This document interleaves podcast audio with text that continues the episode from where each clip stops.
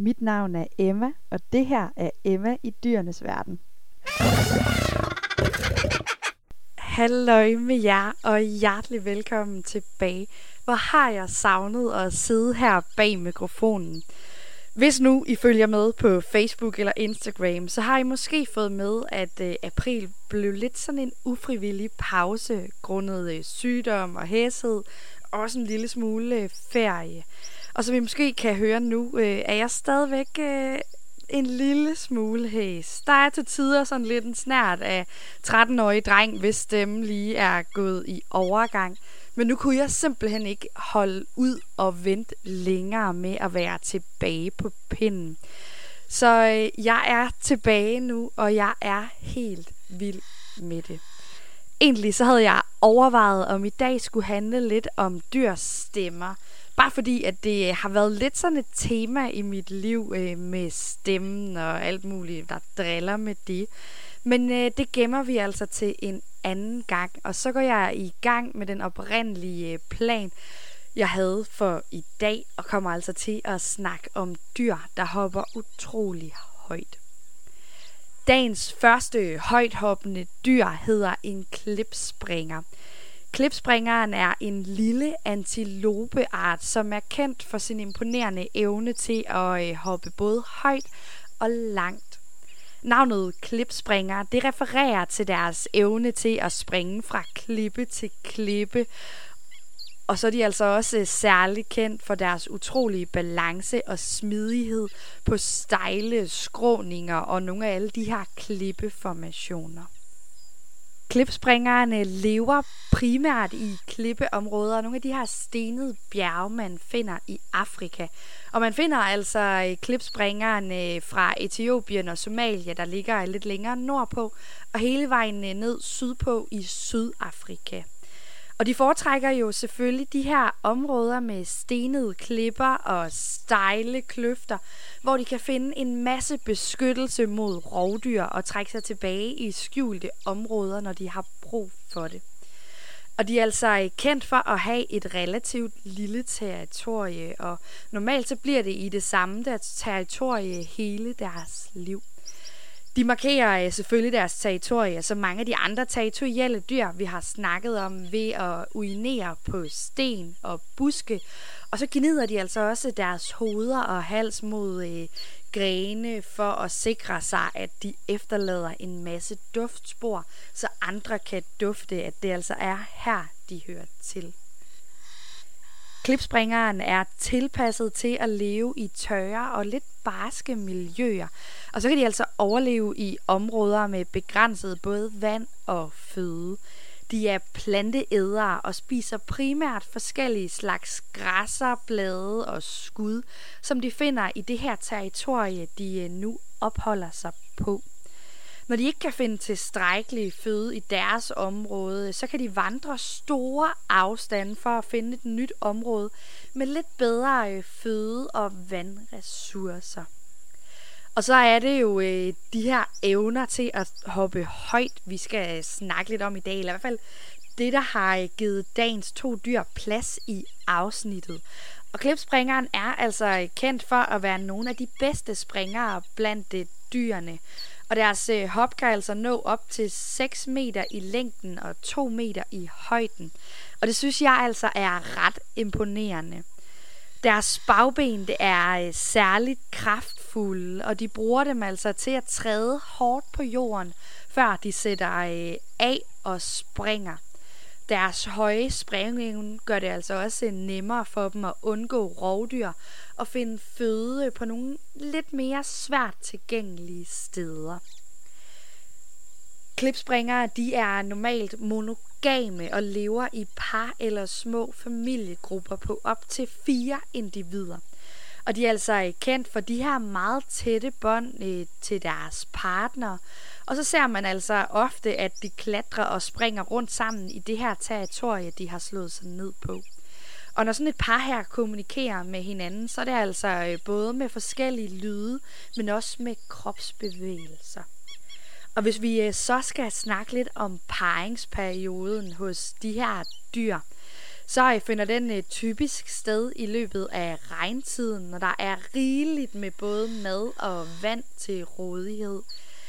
Han, øh, han vil altså begynde at vise interesse for den her hund ved at øh, følge rigtig tæt efter hende. Og så udstøder han altså forskellige øh, bløde lyde og laver forskellige gestusser for at overvinde hunden. Og når hun er ved at være klar til at parre sig, så vil han altså føre hende et stille og roligt sted hen, væk fra resten af de eventuelle klipspringere, der også skulle være på det her område. Hunderne de har øh, normalt en drægtighedsperiode på omkring øh, 7 til 8 måneder. Og så føder de øh, en, og meget sjældent det kan der altså også godt komme to unger ud af det af gangen. Og når ungerne de bliver født, er de allerede meget veludviklede og kan altså følge deres mor på jagt efter noget at spise ganske kort efter fødslen. Hvis ikke lige moren har taget sine unger med på jagt, så vil hun altså normalt gemme dem øh, i klipper eller finde et andet godt skjulested for at beskytte dem mod rovdyr, mens hun er væk for at finde eventuel øh, føde til dem. Klipspringer ungerne, de bliver altså hos deres mor i øh, godt og vel det første halve år, indtil de er gamle nok og har lært nok til at klare sig selv på egen hånd. Og i løbet af det her halve år, øh, så vil de altså lære nogle af alle de her meget vigtige færdigheder, øh, de skal fra deres mor øh, og deres far. Og øh, det er altså blandt andet, øh, hvordan man finder mad, og hvordan man beskytter sig bedst muligt mod rovdyr. Mens ungerne de er hos deres mor, så vil øh, hannerne typisk øh, ikke bruge lige så meget energi på ungerne, som moren gør, men øh, hellere bruge energi på at beskytte territoriet og finde mad, som han så vil dele med hunden og ungerne tilbage på det her gode skjulested, hun nu har fundet til dem.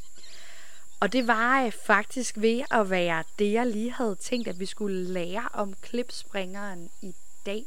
Så jeg synes altså lige så stille øh, bare, at vi skal hoppe videre til dagens andet højt hoppende dyr. Og øh, oven på den øh, lidt dårlige joke, jeg lige fik fyret af til sidst der, så tror jeg altså, at, at vi er ved at være klar til at snakke lidt om dagens andet dyr. Og det er altså øh, et dyr, øh, jeg personligt synes er utroligt smukt. Det synes jeg egentlig også, at klipspringeren den er. Men dagens andet dyr har jeg altså altid været en lille smule fascineret af. Vi skal snakke lidt om pumaen, og pumaen er altså en stor kat, som er kendt for sin styrke og smidighed.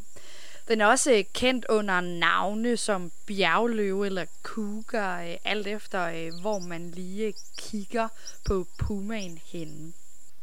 Og pumaen den lever altså i Nord- og Sydamerika, i Nordamerika, der foretrækker pumaerne at leve i bjergeområder og skove, hvor de kan finde gode skjulesteder og store byttedyr, f.eks. for eksempel hjorte og elge. Og i Sydamerika, der lever pumaerne altså også i skovene, men man finder dem altså også i åbne områder, som øh, nogle af de her græslande og ørkner, der altså øh, ligger her. Og udover den her øh, styrke og smidighed, så er de altså også kendt for deres evne til at springe ret højt. Og øh, nu øh, sprang klipspringeren jo øh, op til 2 meter øh, i et enkelt øh, hop, i hvert fald når vi snakker i højden. Og så kunne de øh, springe 6 meter i længden. Pumaen her, den øh, tager altså de 6 meter og øh, tilføjer diagonalt. Så de kan altså øh, springe op til 6 meter øh, op i luften i et enkelt hop. Hvilket altså også gør dem til en af de øh, dygtigste springere i dyreverdenen. Den her særlige evne til at springe rigtig højt gør det altså også muligt for pumaerne at jagte deres bytte på en meget effektiv måde, hvis man sammenligner med nogle af de andre store katte, der er i dyreriget. Det øh, skyldes selvfølgelig, at de kan springe op på byttedyr og fange dem med deres kløer. Pumaer de bruger altså også deres hop til andre øh, ting, øh, for eksempel til at øh, klatre op i træer og klipper, hvilket altså også giver dem øh, en fordel i jagt og også øh, hjælper med at undgå forskellige farer. Og lidt ligesom med klipspringeren, så er pumaen altså også et territorielt dyr. De har til gengæld et ret stort territorie, der varierer fra ca. 60 til 400 kvadratkilometer, afhængig af tilgængeligheden af byttedyr og andre ressourcer.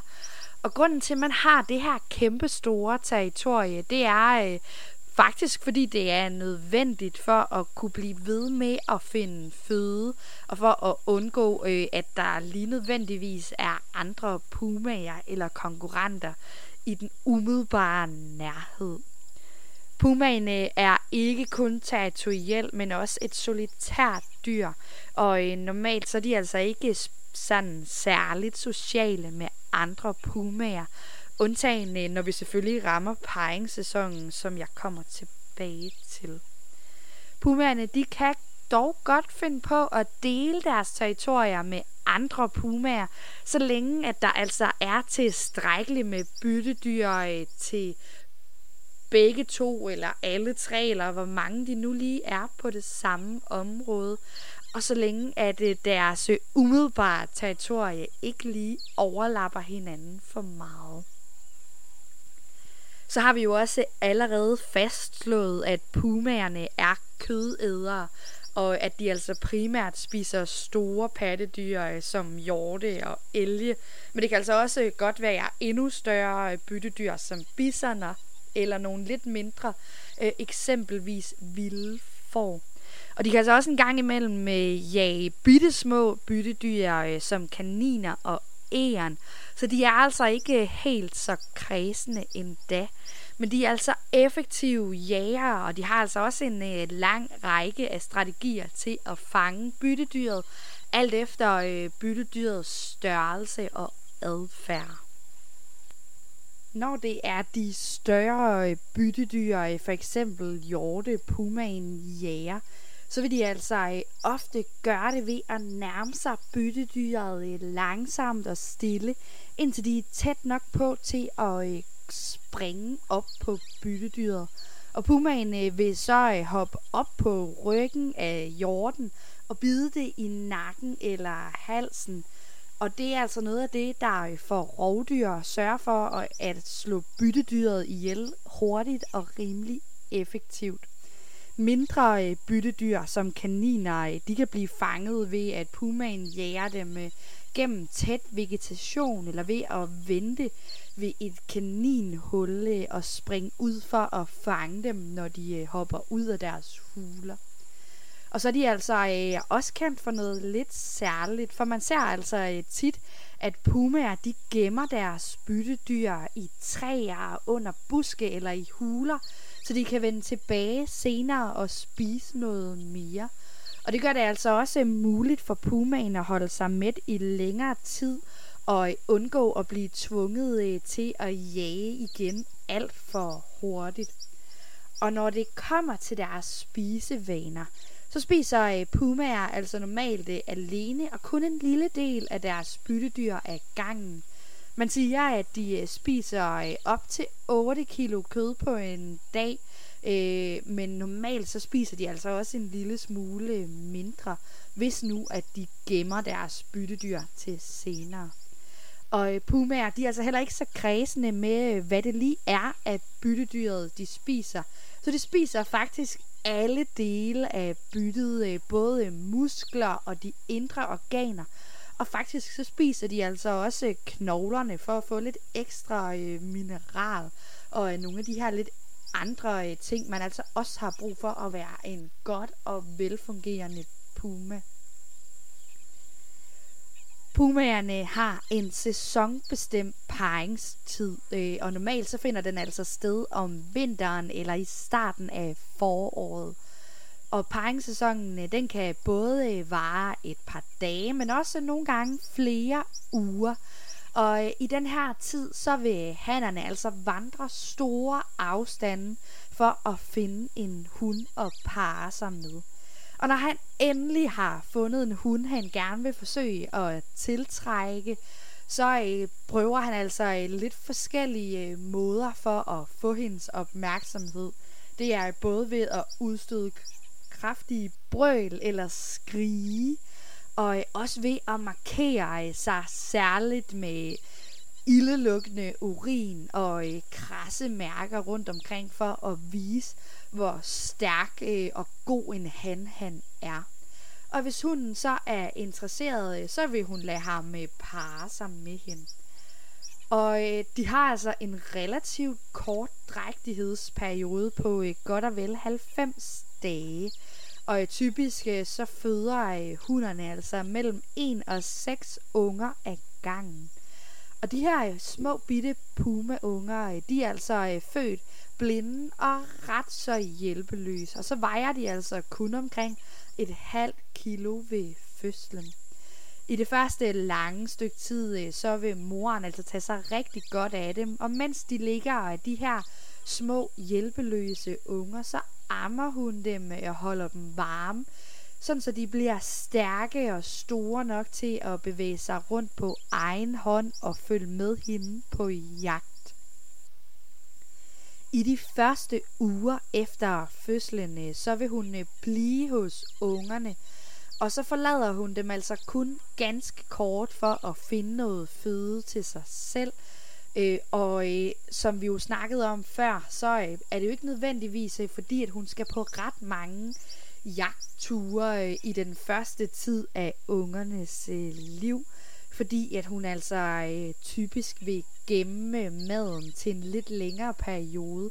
Men fordi det altså også kræver lidt ekstra energi af hende og amme de her unger, så spiser hun altså typisk en lille smule mere i den her periode, end hun ellers ville.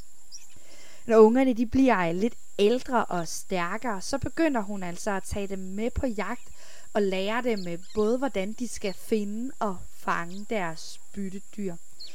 Og øh, selvom de jo ikke er særlig sociale dyr, så bliver øh, mor pumaen altså sammen med sine unger i omkring to år, indtil de er gamle nok både til at forlade hende og blive selvstændige, men også øh, så de godt og vel øh, har nået den kønsmodne alder. Og i den her øh, tidsperiode, så øh, lærer hun dem altså alle de nødvendige øh, færdigheder, der er for at klare sig bedst muligt som en puma i den barske natur. Og så nåede vi altså øh, til vejs ende i dagens afsnit om højt hoppende dyr. Og det har jo ligesom været øh, et dyr i hver sin ende af jagtskalaen, kan man godt sige. For øh, vi har altså snakket lidt om et typisk byttedyr og et typisk rovdyr i dag. Og med det sagt, så har jeg altså ikke ret meget andet at sige i dag end tusind tak, fordi I har lyttet med. Og så øh, håber jeg altså, øh, at min stemme den bliver ved med at øh, blive bedre fra nu af, så jeg øh, snart kan få optaget øh, afsnittet til næste uge.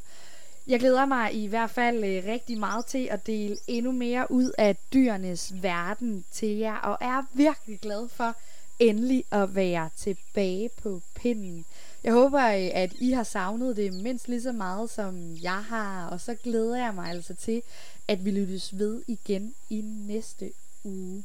Og hvis nu, at vi skulle være uheldige og ramle ind i sådan en periode, hvor der ikke lige øh, kommer ret mange afsnit ud, så kan jeg altså anbefale at hoppe ind og følge med på både Facebook og Instagram, for der arbejder jeg altså lidt på at få delt det lidt mere ud af Emma i dyrenes verden, så vi øh, bliver ved med at kunne blive en lille smule klogere sammen. Så øh, hop endelig derind og find mig. I kan altså søge på Emma i dyrenes verden begge steder, så skulle jeg meget gerne dukke op. Tak for i dag, og så glæder jeg mig altså øh, til at øh, snakkes ved igen i næste uge.